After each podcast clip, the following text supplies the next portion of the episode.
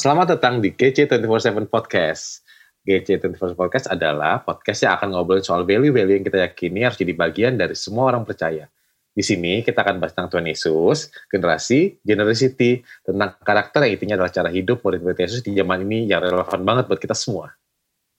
Nah, di bulan ini senang banget kita masih ada di tema Strong and Healthy Marketplace. Um, sama-sama aku ada uh, pengerja kita yang uh, mungkin mungkin belum banyak yang um, kenal, tapi kalau um, Bapak Ibu, teman-teman semua sekalian uh, datang di setiap ibadah jam 10.30, mungkin mukanya sedikit familiar gitu. Uh, aku ada Pak Frans Setia Huta Barat. Hai Pak Frans. Hai Bro Adit, shalom. Halo, shalom semua. Gimana Pak? Sehat ya Pak? Puji Tuhan, sehat. Puji Tuhan. Wah, senang nih. Um, Pak Frans, kita lagi bahas soal um, and healthy marketplace. Nah, aku langsung aja nih, gitu. Kalau menurut Siap. Pak Frans, um, posisi kita sebagai orang Kristen di marketplace itu kira-kira sebenarnya kayak apa sih, gitu? Ya, thank you Bro Adit. Iya. Uh, di marketplace ini sebenarnya kita tuh harus menjadi garam dan terang. Hmm. Jadi kita karena mata orang melihat kita, kita minoritas di mana-mana. Jadi yang paling penting poin pertama adalah just be yourself. Oh, wow. Jadi kita menjadi diri kita sendiri dan kita harus benar-benar super serius dalam mengerjakan tugas dan tanggung jawab kita. Hmm. Nah, kalau tugas dan tanggung jawab kita sudah selesai, ada baiknya kita enlargement. Jadi kita minta lagi tugas tanggung jawab yang baru gitu. Hmm. Nah itulah bagi saya kalau kita memang benar-benar mencintai dan take the ownership of the job kita, itu nanti kita benar-benar akan menjalankan tugas dengan sebaik-baiknya. Nah kita nggak perlu declare ke mana-mana kalau kita tuh Kristen, tapi buktikan saja bahwa kita itu menjalankan tugas kita dengan sebaik-baiknya dan kalau orang mungkin mengerjakan satu dua tiga tugas kita bisa empat lima enam gitu. Hmm. Jadi kerja keras, kerja cepat dan kerja cermat dalam arti everything is being efektif dan efisien. Jadi kita mencoba untuk mencari cara-cara baru sehingga tidak as is condition oleh karena itu innovation juga menjadi key juga gitu. Hmm. Jadi just be yourself, uh, take the ownership of the job dan be inovatif. Wow. Uh, Pak Frans, aku sebelum mungkin masuk ke lebih dalam lagi nih, um, suka yeah. banget tadi um, apa garam dan terang. Nah, yeah. boleh cerita sedikit nggak sih Pak Frans? Um, kira-kira kalau hmm. kalau selama ini um, Pak Frans tuh uh, kalau boleh uh, sharing pengalamannya berapa tahun Pak ya di dunia kerja Pak? Sekarang udah berapa tahun? Saya kerja dari tahun 96, jadi ah, kalau di total ah, mungkin sekitar 24 tahun. 24 Dan 24 tahun. tahun ini Bro Adit itu di 17 perusahaan yang berbeda. Gitu. Wow, 17 Dan beberapa perusahaan. perusahaan adalah grup companies. Hmm, nah ini hmm. kalau saya berpikir adalah kalau dulu ya saya nyari kerja itu kalau bukan ya saya merasakan kalau bukan dari Tuhan tuh nggak bakalan bisa tembus gitu. Mm, mm, mm, Walaupun sudah detik-detik terakhir udah final interview gitu ya. Mm. Kalau bukan dari Tuhan ya nggak akan tembus. Tetapi kalau jalan Tuhan ya udah kita tinggal ngelangkah aja mm. dengan segala macam prosesnya gitu mm. ya. Karena proses itu kan tentunya akan mendewasakan kita, membuat kita jauh lebih kuat dan bahkan jauh lebih dekat lagi dengan Tuhan gitu. Wow. Karena kalau proses pekerjaan ini, Bro Adit, bisa dikatakan we have to expect the unexpected gitu. Jadi wow. banyak sekali hal-hal yang baru mungkin dari sudut pandang dunia ini kayak berat banget gitu ya. Kok kayaknya ribet banget bahkan kok menakutkan, menyeramkan gitu. Hmm, hmm. Tapi yang saya lihat adalah ya bersama dengan Tuhan ya segala sesuatunya pasti akan indah gitu. Hmm. Dan ah. indah pada waktunya Tuhan. Dalam yeah. arti ya kacamata dunia mungkin akan berbeda. Tetapi pada saat kita memang benar-benar berserah dan ikutin flow yang Tuhan inginkan, itu pasti yakinlah pasti akan yang terbaik. Namun kan kalau orang lihat dari luar nih Bro Adit pastinya kan yang enak-enaknya aja ya. Yeah. Tetapi proses yang di dalam yang yang kadang kita juga waduh sampai menangis, sampai hmm. berlutut, sampai sampai bisa dikatakan mungkin saat-saat tertentu kita merasakan sangat low gitu ya. Tetapi di situlah titik baliknya pada saat kita menyerahkan ke Tuhan dalam arti kalau kita angkat tangan seakan-akan menyerah gitu ya. Tuhan pasti akan turun tangan. Wow. Tapi kalau kita mencoba menyelesaikan dengan cara-cara kita sendiri, secara otak kita, secara logika kita, itu kita kan nggak berserah kepada Tuhan ya. Terkadang malah kayak muter di tempat, hmm. bahkan nggak maju, bahkan mundur gitu. Ya. Nah tips yang saya dapat adalah ya selalu libatkan Tuhan di dalam pekerjaan kita. Terus kalau kita nyampe di kantor tuh tiap pagi kita pujian penyembahan, kita bangun mesbah di ruangan kita dan juga kita yakinkan bahwa uh, Tuhan ada di di depan kita gitu. Dan kalau ada Tuhan di depan kita ya siapa yang menjadi lawan kita? Wow. Nah kurang lebih begitu Bro Adit. Wah bagus banget Pak Frans. Uh, senang banget maksudnya um, dengarnya. Dan um, aku mungkin ada satu um, pertanyaan nih mungkin akan jadi banyak apa ya mungkin pergumulan buat setiap uh, teman-teman yang dengar yang baru mau masuk uh, dunia kerja hmm. atau mungkin baru hmm. baru awal-awal nih memasuki rimba ya kalau bisa dibilang yeah. um, uh, kayak misalkan gini uh, salah satunya kalau di Alkitab itu uh, mungkin ambil contohnya Daud kali ya Daud yeah. dari awal dia udah tahu nih dia di anoint um, diurapi uh, untuk jadi raja dia ngerti janjinya Tuhan dia ngerti uh, apa yang um, apa apa yang akan ada di depan matanya dia semuanya dia hmm. ngerti. Nah tapi kan itu ada prosesnya. Nah Pak Frans kira-kira um, kalau dari uh, Pak Frans pernah ada momen-momen kayak gitu nggak? Kayak um, pasti sebagai orang Kristen udah tahu nih janjinya jadi hmm. kepala bukan ekor gitu. Tapi ada hmm. ada kalanya kok kayaknya nggak kelihatan. Nah Pak, pernah ada momen kayak gitu nggak Pak Frans? Dan gimana Pak Frans tuh ngalam apa ngelewatin itu semua? Iya, kalau momen itu kalau ditanya ada, bukannya ada lagi Bro Adit, itu banyak banget gitu.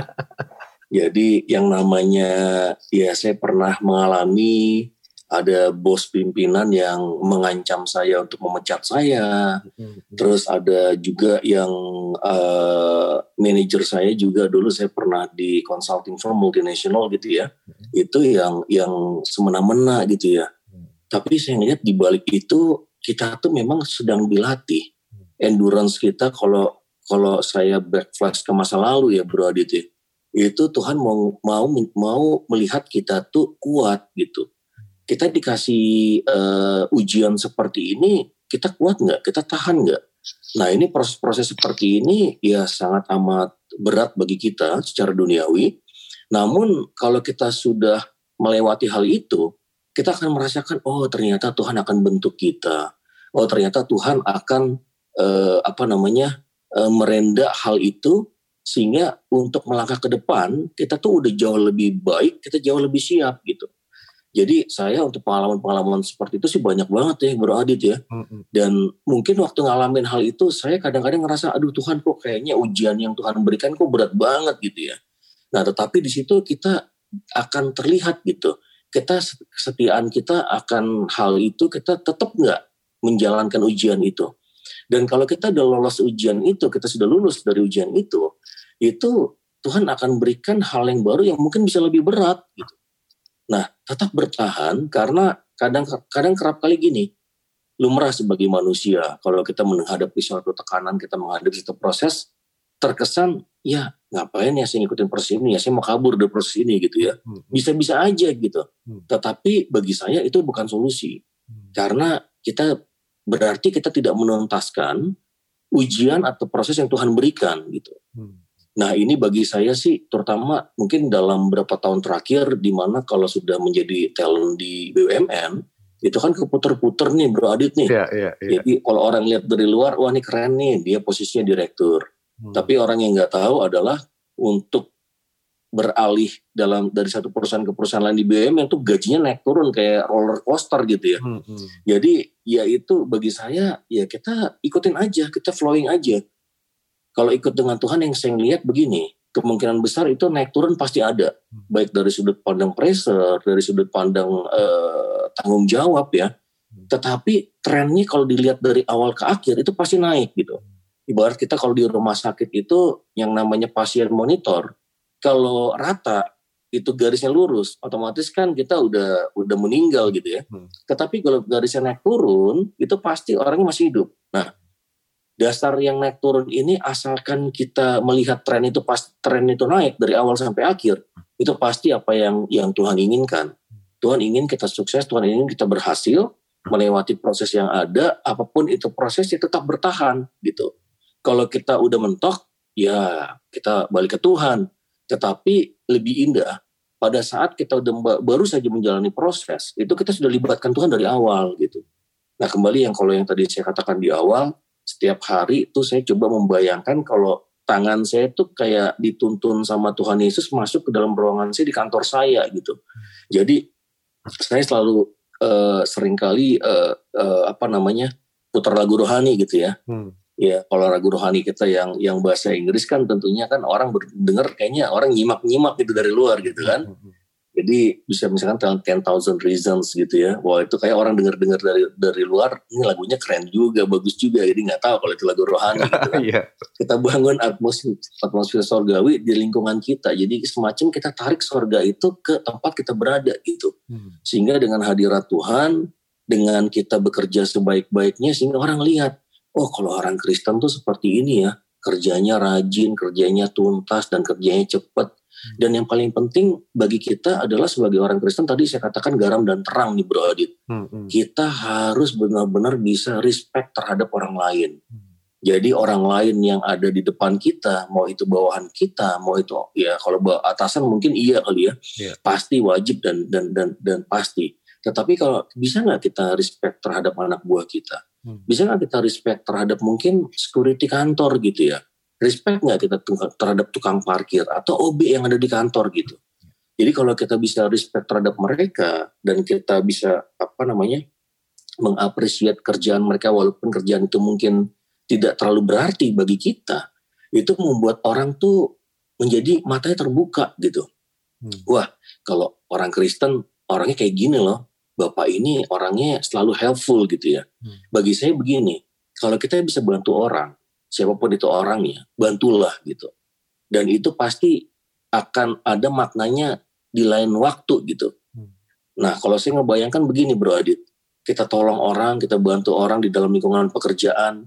Jadi contoh misalkan, saya dulu waktu pertama kali uh, bekerja setelah, setelah lulus S2 di Amerika, hmm. itu saya uh, bekerja di perusahaan uh, multinasional. Tetapi saya melihat teman-teman saya kok kayaknya banyak pergumulan gitu ya Mungkin ada ibu-ibu yang single parents, yang waktunya sangat amat terbatas, yang setelah kerja di kantor dia harus kerja di tempat lain untuk menghidupi anak-anaknya gitu ya. Kita deketin, kita tanya, kita perlu bantu, kita perlu apa? Kita bisa bantu di mana gitu. Sehingga at the end kerjaan dia kan kita tarik tuh. Hmm. Nah, di sini kalau kita melihat kok kayaknya kurang kerjaan banget gitu, kerjaan orang kita kerjain. Tetapi di situ kita belajar gitu. Sehingga kalau kita bisa melakukan hal-hal seperti itu, niat baik kita membantu orang lain, kita pasti akan dibekali ilmu pengalaman mengerjakan kerjaan yang bukan tanggung jawab kita. Nah di sini kita latihan nih, latihan tanpa disengaja. Sehingga at the end kita ngebantu orang, kita dapat ilmunya, kita mengerjakan pekerjaan yang lebih daripada tanggung jawab kita. Orang lain matanya menjadi terbuka kan. Hmm. Oh kalau orang Kristen kayak begini gitu ya. Hmm. Nah itu selalu saya terapkan di mana pun saya bekerja gitu. Jadi kalau masuk dalam satu lingkungan pekerjaan, biasa tuh sikut sikut kanan kiri gitu ya namanya lingkungan kantor gitu ya. Hmm. Tetapi kalau orang lain sikut-sikut menyikut gitu ya, hmm. kita kita ini aja kita malah merangkul, kita malah kita malah membantu, kita malah menolong gitu. Hmm. hmm. Kita kembalikan yang namanya hal yang negatif itu menjadi hal yang positif hmm. dengan tingkah laku kita, dengan perkataan kita. Jadi kalau saya mungkin dari sudut pandang replaying an email aja itu kita punya tata kerama gitu ya. Hmm.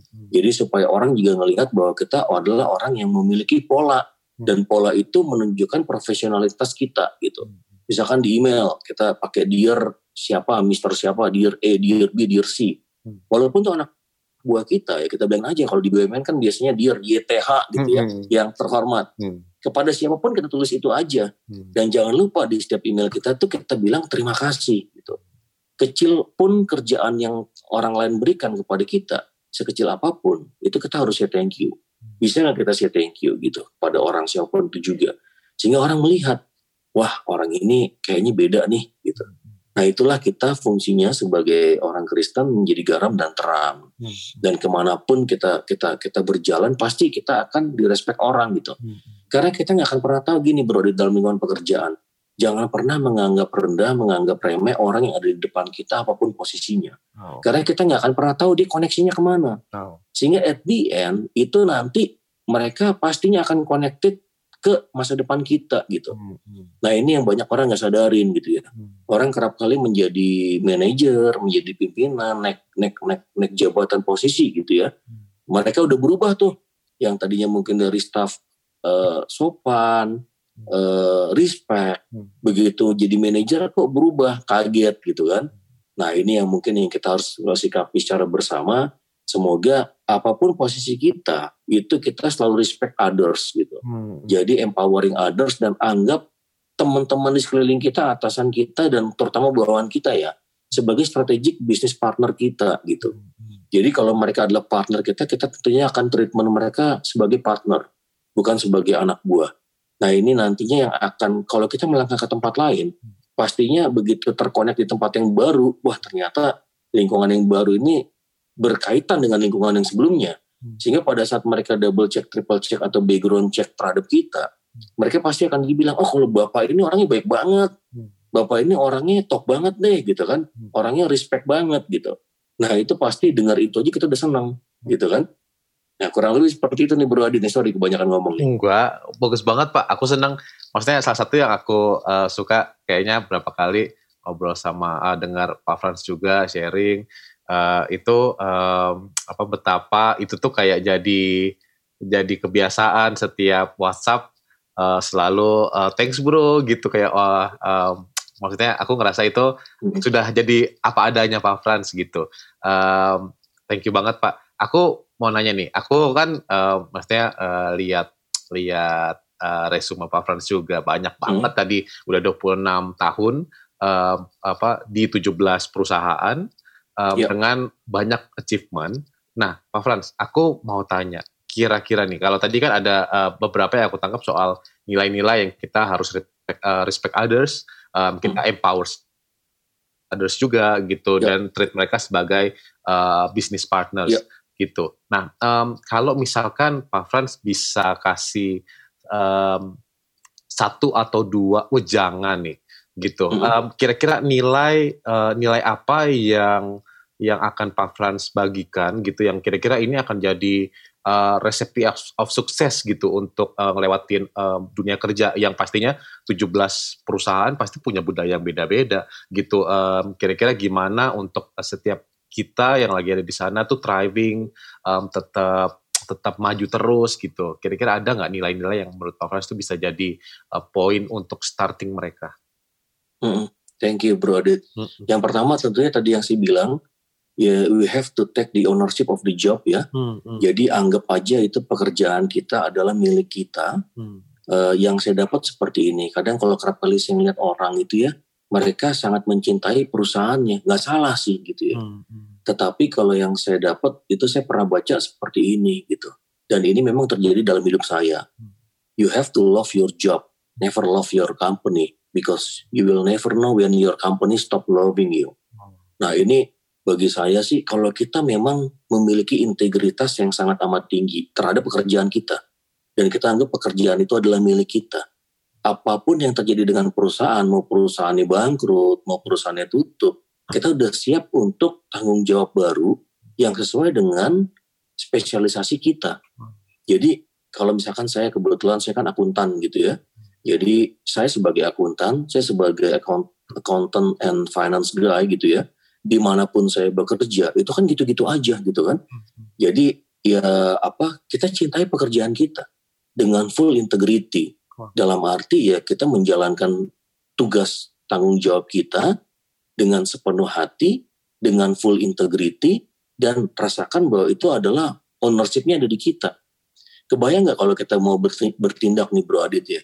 Kalau kita ngerasakan itu perusahaan milik kita, pekerjaan milik kita, pasti kita hati-hati kan. Ya, ya. Kalau orang kalau orang mungkin ah ini perusahaan orang nih, saya bisa ngapain aja. Hmm. Saya bisnis trip, saya entitled-nya misalkan bisnis kelas gitu ya, atau bahkan event yang lebih tinggi dari itu. Kalau kita take the ownership of the job, ah nih saya terbang cuma satu jam, ngapain sih saya pakai bisnis gitu ya. Saya kerap kali kalau misalkan bisnis trip dengan anak buah, itu pasti saya akan downgrade. Hmm. Ya kalau bisa, ya saya udah di ekonomi aja, saya bisa bareng, saya bisa ngobrol gitu kan ngapain juga sih di bisnis kelas. Nah kecuali memang kalau itu long haul flight, misalkan ke Jakarta, Abu Dhabi gitu ya, dan biasanya ya pasti anak buahnya kita yang kita tarik ngikutin kita hmm. supaya sama gitu. Hotel juga kayak begitu Bro Adit. Hmm. Jadi kalau misalkan yang tahu teman kita yang hotel bintang 5, ya kalau anak buah kita eh, trip dengan kita, tim kita, ya bilang aja bahwa kita memang harus bareng dengan dengan dia gitu kan. Jadi ya kita ngelihat bahwa itu memang supaya kita bareng dan dan dan ada ada semacam uh, apa namanya uh, rewarding uh, system lah. Jadi kita kita me, me, memastikan bahwa kalau kita sebagai partner tentunya akan melakukan yang terbaik. Hmm. Tetapi jangan juga kita juga abusing juga power kita gitu ya. Nah itu yang pertama Bro Adit, bahwa kalau memang kita love our job, take the ownership, dan memang full integrity gitu. Hmm. Nah yang kedua yang saya akan sharing adalah bahwa di mana pun kita berada, itu pastikan bahwa kita itu menjadi orang yang memiliki value added, kita memiliki manfaat. Jadi jangan lakukan hal yang biasa-biasa. Hmm. Lakukan hal yang luar biasa, yang baru dan inovatif gitu ya. Dalam arti kalau orang lain mengerjakan kerjaan ini misalkan dua jam, hmm. bisa nggak kita mengerjakan kerjaan itu satu jam? Hmm. Atau mungkin bisa cuma setengah jam. Hmm. Kalau sudah selesai, minta lagi. Pak udah selesai nih Pak, ini saya udah ngerjakan ini. Ada arahan lain nggak? Apakah ini harus direvisi? Udah cukup baik atau enggak? Kalau udah oke, okay, saya minta kerjaan lagi dong. Gitu. Jadi be really proactive jangan diem aja, don't sit down on your desk and do nothing. Kalau udah nggak ada kerjaan, minta kerjaan baru gitu. Nah ini tentunya orang akan melihat kan, ini rajin banget sih gitu kan. Kok dia rajin banget, kok dia ini banget sih, willing banget sih untuk kerja lebih gitu ya. Kalau orang mungkin pulang jam 5, kalau kita semasa kita masih ada deadline, ya ya kerjakan gitu.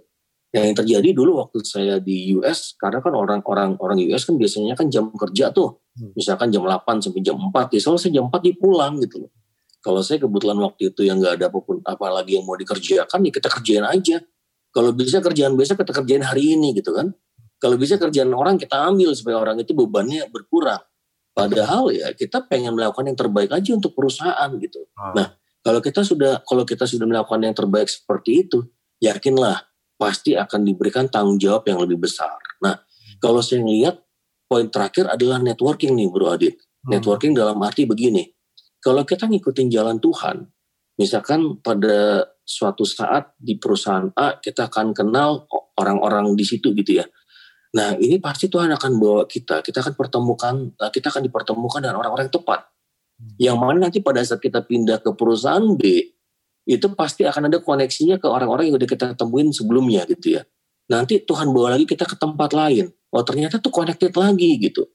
Tuhan sudah merendah hal itu di dalam hidup kita semua, khususnya saya udah ngalamin banget ya. Bahwa momentum-momentum tertentu itu adalah tahapan-tahapan yang Tuhan izinkan dan Tuhan izinkan itu terjadi gitu. Sehingga sekuensial A, B, B to C, C to D itu sudah Tuhan renda dari awal, itu sudah sudah, sudah direncanakan gitu. Mungkin sekarang kita baru merasakan, oh ternyata dulu saya diproses ya, saya di tempat ini saya dipertemukan dengan orang-orang yang mungkin pada saat itu value-nya nggak ada. Tetapi pada saat sekarang kok ternyata jadi connected kembali dan value-nya menjadi lebih besar. Dan itu bagi saya tuh bermakna banget dan berarti banget gitu. Sehingga memang kalau memang kita menyerahkan jalan hidup kita full ke tangan Tuhan, dengan segala resikonya ya, sehingga mengatakan itu bahwa itu enak dan semuanya adalah menjadi baik, enggak. Hmm. Mungkin proses yang kita ada yang kita lewatin itu akan terasa sakit gitu ya. Terasa lelah letih dan dan capek. Bahkan kerap kali kadang ini kita minta Tuhan tolong bantu saya dong saya udah udah udah nyerah nih gitu kan. Ya itulah yang bagi saya pada saat sekarang itu melihat bahwa oh luar biasa ya Tuhan kita gitu ya. Kita dipertemukan dengan orang yang tepat kita diizinkan melewati lembah yang mungkin waktu itu kita kayak udah benar-benar hampir putus asa gitu ya tetapi sekarang kita melihat bahwa mental kita, networking kita, pengalaman kita itu semakin dikuatkan. Sehingga at the end kita baru merasakan sekarang, oh iya Tuhan terima kasih Tuhan. Dulu saya telah menjalani hal-hal yang mungkin bagi saya dulu berat banget. Tetapi ternyata itu adalah pengalaman yang benar-benar sangat amat berarti untuk masa depan kita. Untuk kondisi kita sekarang. Nah inilah benar-benar yang luar biasa nih Bro Adit ya. Bahwa memang berjalan dengan Tuhan itu ya nikmatin, enjoy aja gitu. Dan yakinlah bahwa Tuhan itu akan memberikan terobosan-terobosan baru yang mana mungkin nggak terpikirkan oleh kita dengan logika kita gitu. Hmm. Kadang kerap kali mungkin saya pernah sharing sebelumnya tidak tidak membuat suatu apa namanya decision itu adalah sebenarnya suatu solusi. Jadi solusi itu terjadi automatically, automatically tanpa ada decision. Hmm. Nah itu luar biasa kan. Jadi tidak semua masalah itu diselesaikan dengan satu keputusan. No, tidak. Kerap kali itu auto correction. Oh, ternyata didiemin aja tuh solve gitu loh, problem solve hmm. gitu. Nah, itulah kalau kita ngelihat bahwa dengan berpegang teguh kepada tangan Tuhan Yesus, tentunya solusi itu ada dan pastikan waktunya itu waktu Tuhan. Kerap kali kita sebagai manusia mau maksa gitu ya. Tuhan sekarang dong selesai, sekarang dong selesai. Ibarat kayak anak kecil gitu ya. Pak saya mau permen sekarang. Saya mau es krim sekarang. Hmm. Saya mau ini sekarang gitu kan. Ya kita kerap kali seperti itu gitu. Namun kalau Tuhan bilang nanti nanti tunggu sabar gitu ya. Ya udah kita ikut aja. Hmm. Flowing dengan Tuhan itu kan nggak berarti kita ngambang dengan arah yang nggak jelas flowing dengan Tuhan adalah kita kayak surfing ngikutin arus dari uh, ombak itu sendiri yang dari Tuhan. Tetapi kan kalau yang ngayun itu kalau ngeliat orang main surfing kan enak nih Bro Adit ya. Hmm. Kayaknya enak banget, enjoy banget gitu kan. Tetapi kalau kita ngambang nggak jelas, nggak tahu arahnya ke mana itu yang bahaya gitu. Hmm. Jangan sampai kita terlena di satu sisi sehingga hmm. di satu posisi ya dalam pekerjaan ya sehingga kita ngambang nggak jelas gitu. Hmm. Jadi kalau orang lihat mungkin wah ini pindah-pindah kerja terus gitu ya. Uh, orang lihat ini kok nggak ada kayak kesetiaan gitu ya. Nah bagi saya adalah saya mungkin yang yang paling mengerti apa sih misi Tuhan di dalam pekerjaan itu. Hmm. Karena saya ngerasakan setiap tiap pekerjaan tuh misinya ada gitu ya. Ada di satu satu perusahaan misinya itu adalah cuma membentuk persekutuan doa gitu. Lucu kan? Hmm. Secara profesional sih kerjaan kita kan beres. Hmm. Tetapi setelah saya berhasil membentuk persekutuan doa, semacam PD di PD di perusahaan itu yang mungkin jumlahnya nggak banyak gitu ya. Ternyata Tuhan kasih tanggung jawab baru gitu Bro Adit. Hmm.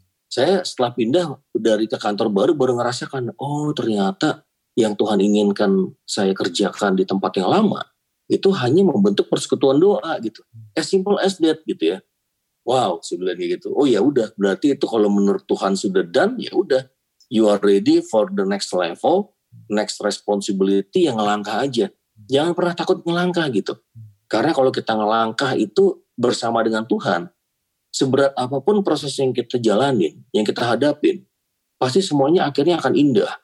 Karena campur tangan Tuhan ada dan solusinya dari Tuhan gitu. Jangan paksakan juga solusinya berdasarkan pola pikir kita gitu. Selalu libatkan Tuhan di dalam menyelesaikan suatu masalah dan libatkan Tuhan dalam adaptasi juga gitu. Karena kalau bagi saya kalau mungkin 17 perusahaan berbeda ini bagi saya untuk pindah kerja kayaknya gampang banget gitu ya. Gampang dalam arti adaptasinya karena saya udah ngerasakan perbedaan-perbedaan culture yang sangat amat signifikan nih Bro Adit. Hmm. Jadi kalau dulu pernah kerja di perusahaan Amerika, pernah kerja di perusahaan Inggris, hmm. pernah kerja di perusahaan Perancis, itu culture-nya beda-beda gitu. Hmm. Dan kalau orang Perancis mungkin agak kasar gitu ya bicara ya. Tapi banyak sekali hal-hal yang kita dapat, yang kita pelajari, kita ambil yang positif aja gitu ya. Jadi yakinlah di semua tempat itu pasti ada sisi positifnya. Yang yang negatif masih diingat-ingat. Yang negatif itu dibuang-buang aja gitu ya. Kita ambil yang semua yang positif, kita kumpulkan, kita buat itu menjadi pedoman kita, kita ngelangkah ke tempat yang baru, dan tuntaskan misi yang Tuhan inginkan di tempat itu. Hmm. Jangan sekali-sekali kita mau escape dari tempat yang yang yang Tuhan izinkan kita ada di situ gitu ya. Selesaikan misi kita yang dari Tuhan, tuntaskan sehingga at the end itu pasti semuanya akan indah dan kalau udah selesai misinya seperti yang saya katakan tadi, kita pasti akan siap menerima tantangan baru gitu ya. Saya sendiri mungkin ya dalam dua tahun terakhir udah hampir empat posisi ya, empat posisi di beberapa perusahaan berbeda gitu. Ya kita jalanin aja gitu kita lihat bahwa apa sih yang ingin Tuhan uh, uh, apa kita jalankan di tempat ini itu pasti kalau udah ngomong kayak begitu udah pasti udah udah udah udah enak aja gitu loh udah udah udah flowing aja gitu memang kita uh, menjalankan tugas dan tanggung jawab kita tetapi saat-saat tertentu pasti tentunya akan ada titik-titik tertentu yang waduh mentok nih waduh lagi lagi down nih gitu kan nggak apa-apa itu itu biasa karena Tuhan izinkan itu supaya kita juga semakin semakin berfungsi gitu ya. Hmm. Semakin dekat dengan Tuhan. Jadi kalau udah mungkin agak sedikit menjauh nih, Tuhan izinkan tuh kayak ada hal-hal tertentu yang ayo balik lagi nggak, balik lagi nggak lo, balik lagi nggak lo gitu kan. Nah kayak begitu-begitu tuh bro itu. Nah di situlah kita langsung tek, wah iya Tuhan, yuk Tuhan maaf ya gitu kan. Tuhan bantu saya, tolong saya Tuhan ini ada masalah di sini gitu. Kita kita sebut aja gitu ya. Hmm. Kita doakan aja dan pastinya hal-hal yang baru pasti akan terjadi. Hmm. Solusi-solusi yang kita nggak pernah pikirkan tuh pasti akan kepikiran sama kita. Hmm. Sehingga at the end hal itu yang membuat kita menjadi cepat bisa menyelesaikan masalah. Hmm. Gitu Bro Adit. Kurang wow. lebih seperti itu ya. Wow, bagus banget Pak Frans. Sangat-sangat lengkap. Aku rasa um, apa tiga hal tadi itu benar-benar jadi jadi pegangan sih untuk bahkan uh, aku pun jadi banyak belajar lagi, perlu ingat-ingat lagi um, apakah sudah melakukan tiga hal yang tadi Pak Frans bilang. Pak Frans, ini um, aku um, apa keinget sharingnya Pak Frans waktu itu. Uh, mungkin buat teman-teman yang nggak tahu, Pak Frans ini sempat jadi direktur operasional waktu Wisma Atlet ya, Pak Frans ya. Iya. Boleh cerita iya. sedikit ya Pak Frans, gimana Boleh. perasaannya tuh uh, waktu itu awal-awal keseruan keseruan di momen-momen yang seluruh dunia alamin terus Pak Frans ternyata jadi orang yang bertanggung di bukan cuman um, di hal kecil tapi benar-benar di operasional boleh cerita sedikit nggak Pak ya. hal itu boleh boleh beradit jadi begini waktu itu biasa kalau di BUMN ini kan pergantian di root tiba-tiba langsung ada muter gitu ya hmm. muter semuanya hmm. saya mendadak tiba-tiba ditunjuk sebagai direktur operasional di anak perusahaan gitu kebetulan kita pegang Alkes Hmm. Gak lama kemudian COVID ini kan langsung mencuat di Indonesia. Hmm. Sehingga waktu itu mendadak juga loh saya ditunjuk sebagai ketua gugus tugas untuk alat kesehatan di rumah sakit darurat di Wisma Atlet Kemayoran. Hmm. Hmm. Nah itu begitu ditunjuk hanya dikasih waktu 48 jam untuk menyelesaikan semuanya. Kebayang tuh ya Bro Adit gimana ya. Saya saya pengen ketawa juga karena saya ingat waktu itu di ruangan saya yang mungkin ya ruangannya mungkin agak sedikit besar ya sekitar saya 50-60 meter persegi itu diisi orang banyak banget gitu ya kita meeting sampai jam setengah dua subuh hmm. di ruangan gitu ya hmm, hmm. semuanya langsung bilang karena kita besok start jam 7 pagi hmm. Masing-masing kita bagi PIC-nya siapa yang bertanggung jawab terhadap apa dan langsung pastikan barang itu datang gitu ya Nah saya kan datang jam 7 kurang sudah ada di Wisma Atlet di Kemayoran. Hmm. Itu saya ngelihat udah banyak banget truk barang hmm. dengan alkes udah siap di depan siap bongkar. Hmm. Begitu saya masuk, ruangannya nggak ada. Ah. Jadi BUMN-BUMN karya waktu itu masih kayak bawa-bawa gipsumnya, hmm. masih bikin skat-skatnya, masih masangin AC. Saya bilang nih gimana gitu kan? Katanya udah siap gitu kan, ternyata enggak gitu. Hmm. hmm. Nah yang paling membuat kita berdebar-debar itu karena waktu itu kan wakil menteri BUMN kunjungan terus gitu ya. Hmm, hmm. Nah untungnya kita pagi-pagi aja kita disuruh nyiapin dua ambulans, mobil ambulans, satu mobil ambulans udah langsung datang gitu kan, tinggal satu paling nggak ada satu gitu kan. Wah itu bener-bener rasanya tuh deg-degan banget gitu ya. Itu bener-bener saya sampai gimana ya kita begitu udah dapet ruangan, udah ini barang turun semua, saya sendiri sampai ikutan gitu ya untuk yang namanya ngangkut-ngangkutin barang ya. Karena di situ kita ngelihat yang prinsip yang saya katakan, katakan tadi di awal take the ownership of the job. Hmm. Orang lihat, wah ini dia direktur operasi tapi dia juga turun gitu ya. Kita geser-geserin barang, kita ngangkut-ngangkutin barang sehingga tim kita begitu ngelihat kita kerja di lapangan semua turun tangan kan. Hmm. Nah itu menjadikan kita kerja lebih ringan, lebih ringkas karena semuanya kita turun tangan gitu. Ya. Nah, yang saya yang saya rasakan di situ adalah luar biasa Tuhan campur tangan untuk alat-alat yang mungkin sulit banget untuk didapetin itu kita entah dari mana dapat aja gitu berada deh ada aja gitu kan jadi bahkan sampai sampai di hari kedua itu semua ventilator kita terpasang semuanya sudah dikalibrasi oleh Kementerian Kesehatan dan semuanya alat sudah dites di trial itu semua sudah siap hmm. saya ngelihat waktu itu ya eh, bahkan beberapa kali kunjungan wamen itu yang ditanya ya kebetulan memang waktu itu Wamen BUMN kan senior saya dari FUI. Hmm. Jadi yang dicari, yang ditanya yang dicari bukan di root saya, hmm. bukan di rootnya holding saya. Dia cuma nanya, eh France mana ya, France mana ya, France mana ya gitu ya. Jadi udah kayak gitu ya, saya kaget juga gitu ya. Tim saya lari-lari-lari, saya waktu itu lagi lagi nyelesain administrasi di pojokan gitu ya, tanda tangan dokumentasi semua. Tim saya lari.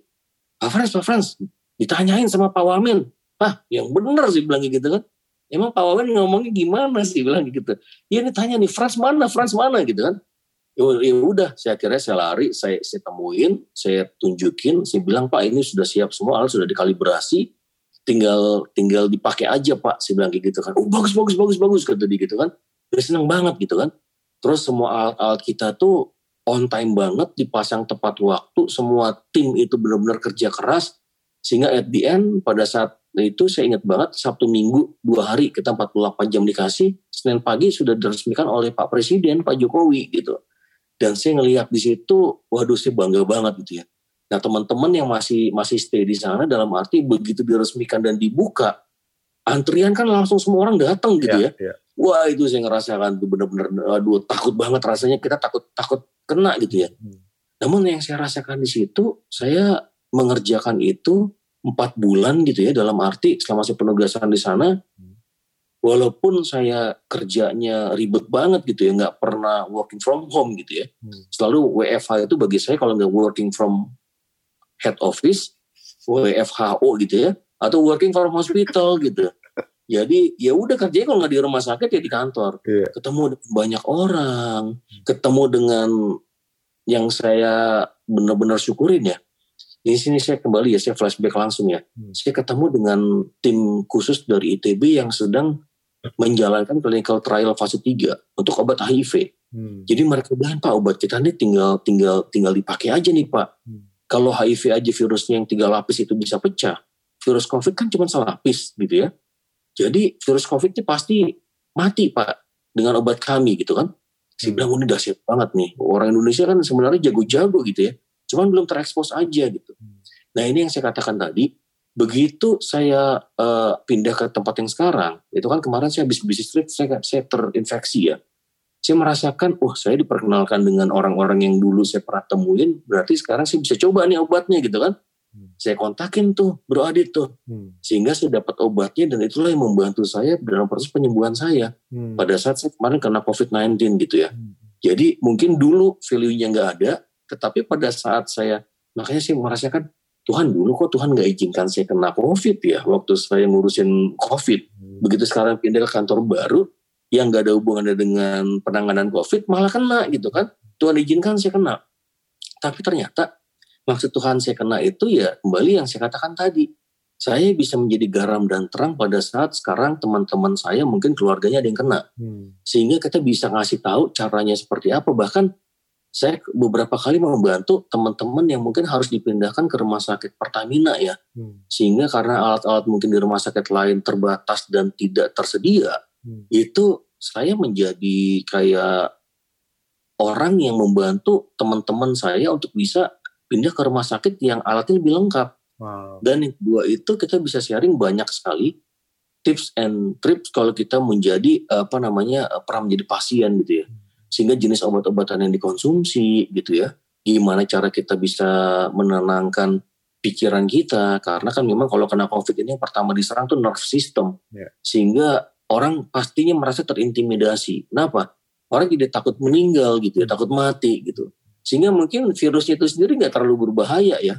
Tetapi begitu kita depresi dan imunitas kita turun kalau kita memiliki penyakit bawaan yang bahkan ya itu yang menyerang kita. Hmm. sehingga kita orang banyak meninggal juga mungkin karena bukan virusnya karena ketakutan.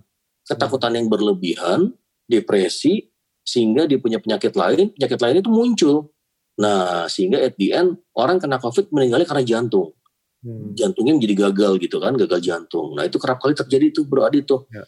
nah ini sekarang ya at the end Tuhan izinkan saya mengalami hal itu sehingga bisa men-share banyak informasi hmm. dan bisa banyak juga menguatkan teman-teman atau keluarga teman-teman yang mungkin kena hmm. gitu. Kurang lebih seperti itu. Kita jadi saluran informasi lah untuk wow. orang lain yang lebih membutuhkan gitu. Di sinilah kita wow. menjadi garam dan terang lagi Bro Adit gitu. Wah, semuanya balik lagi ya.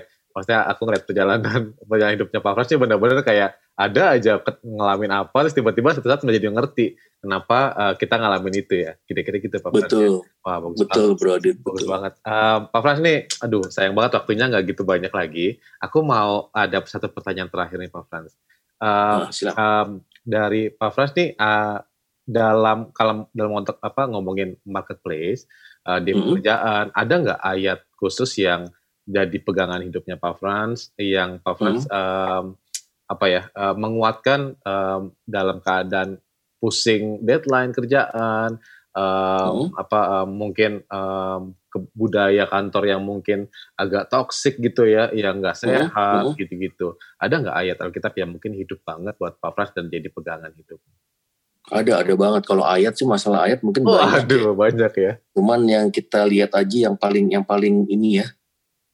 Nah, saya saya baca nih, Bro Adit nih. Ya.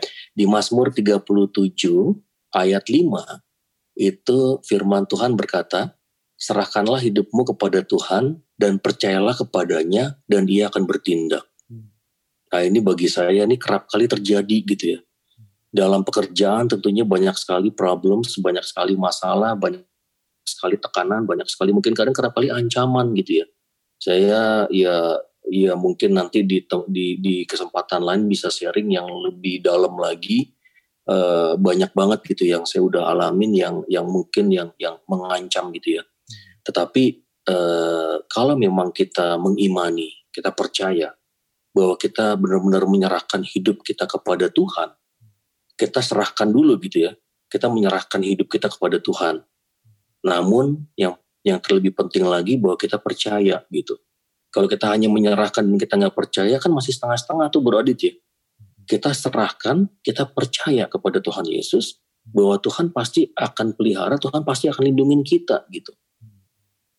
Dan pastikan bahwa kita kalau kita berserah kepada Tuhan, kita angkat tangan, pasti Tuhan akan turun tangan gitu. Kalau Tuhan Yesus sudah turun tangan, percayalah bahwa Tuhan Yesus pasti akan bertindak. Hmm. Kalau Tuhan Yesus akan bertindak, itu pasti nggak ada kata lain selain kemenangan di tangan kita. Hmm. Yang ini yang saya katakan bahwa tiap pagi kerap kali masuk ke ruangan kantor, itu kita memprofetikkan, kita membayangkan, kita menggenggam tangan Tuhan Yesus dan Tuhan Yesus masuk duluan. Hmm. Sehingga kalau mungkin ada macam-macam di tempat kita itu ya dengan dari Tuhan Yesus ya pasti udah udah udah hilang sendiri gitu kan. Yakinlah percayalah seperti itu gitu. Saya dulu pernah dikerja di satu perusahaan yang mana ownernya percaya dengan perdukunan ya sehingga karena kantor itu super angker itu kan pasti mereka regularly manggil dukun. Hmm. hmm. Jadi suatu waktu itu hari Senin saya dipanggil sekretaris di root saya. Pak Frans, Pak Frans, saya mau cerita dong, kenapa Mbak? Itu kemarin pas orang pinternya datang masuk ruangan Pak Frans. Hmm. Nah dibilang begini, ini yang duduk di ruangan ini adalah pendeta nih kata dia gitu. Kenapa? Karena ruangan ini ruangan paling terbersih di kantor ini gitu. Jadi hmm. ruangan ini ada yang jagain itu ruangan paling bersih yang yang yang yang yang nggak ada kuasa kegelapan kata dia. Wow. Jadi yang duduk di sini adalah pendeta kata dia. Saya bilang, waduh hebat juga ya kita dibilang pendeta tuh sama si orang pinter itu gitu kan. Nah gimana caranya seperti itu tadi yang saya katakan tuh hmm. Bro Adit. Hmm. Kalau kita serahkan hidup kita kepada Tuhan dan kita percaya kepada Tuhan Yesus, pasti Tuhan Yesus akan bertindak. Wow. Jadi di tempat di mana pun kita ditempatkan, kita berada, hmm. pasti hadirat Tuhan ada di situ. Hmm. Dan kalau masalah penilaian itu kan tentunya orang lain yang menilai. Hmm. Biarlah orang lain, orang lain yang menilai pada saat kita menjadi garam dan terang. Pasti kita akan menggarami sekitar kita. Hmm. Kita pasti akan menerangi sekitar kita. Sehingga hidup kita berdampak. Posisi kita berdampak. Apa pun permasalahan yang kita hadapin, jangan pernah kita merasa kita yang super power. Kita harus serahkan semua ke dalam tangan Tuhan Yesus karena Tuhan yang akan campur tangan gitu. Hmm. Itu akan lebih mudah, lebih lebih lebih lebih ringkas gitu ya. Hmm. Dan percayalah pasti itu pasti shortcut yang Tuhan akan berikan gitu. Hmm. Pada saat kita menyerahkan hidup kita, pada saat kita percaya penuh kepada Tuhan Yesus dan Tuhan Yesus yakinlah Tuhan Yesus akan bertindak untuk membela kita asalkan memang kita memang membawa kebenaran ya. Jangan juga kita membawa hal yang tidak benar gitu. Kita bawa kebenaran kita nyatakan itu kita menjadi saksi dan dan Tuhan Yesus akan bertindak untuk kita. Tidak ada kata lain selain kata kemenangan dan kemenangan itu dari sudut pandang kacamata kita. Mulai belajar bahwa kemenangan itu mungkin bukan kemenangan-kemenangan duniawi kemenangan-kemenangan yang mungkin dari sudut pandang kacamata kita sebagai orang Kristen itu itu yang memberikan dampak. Gak selamanya yang namanya kacamata dunia kalah itu benar-benar kalah. Tetapi kalau di mata dunia itu bisa jadi itu adalah satu kemenangan hmm. di mata Tuhan Yesus. Gitu. Oh. Demikian dari saya satu ayat aja ya, Wah. biar nggak kelamaan. Thank you banget, Frans. Bagus banget, bagus banget. Uh, aku rasa banyak hal yang kita bisa pelajarin di episode kali ini. Um, thank you atas waktunya Pak Frans. Um, thank Terima you kasih Bro Adit. Uh, cerita-cerita banyak dan uh, pasti banget ini akan jadi episode yang berkatin banyak orang banget di dunia kerja. Amin. Uh, jadi Amin. terima kasih buat semua yang udah dengerin dan sekian episode kali ini. Uh, see you episode berikutnya. Thank you. God bless you.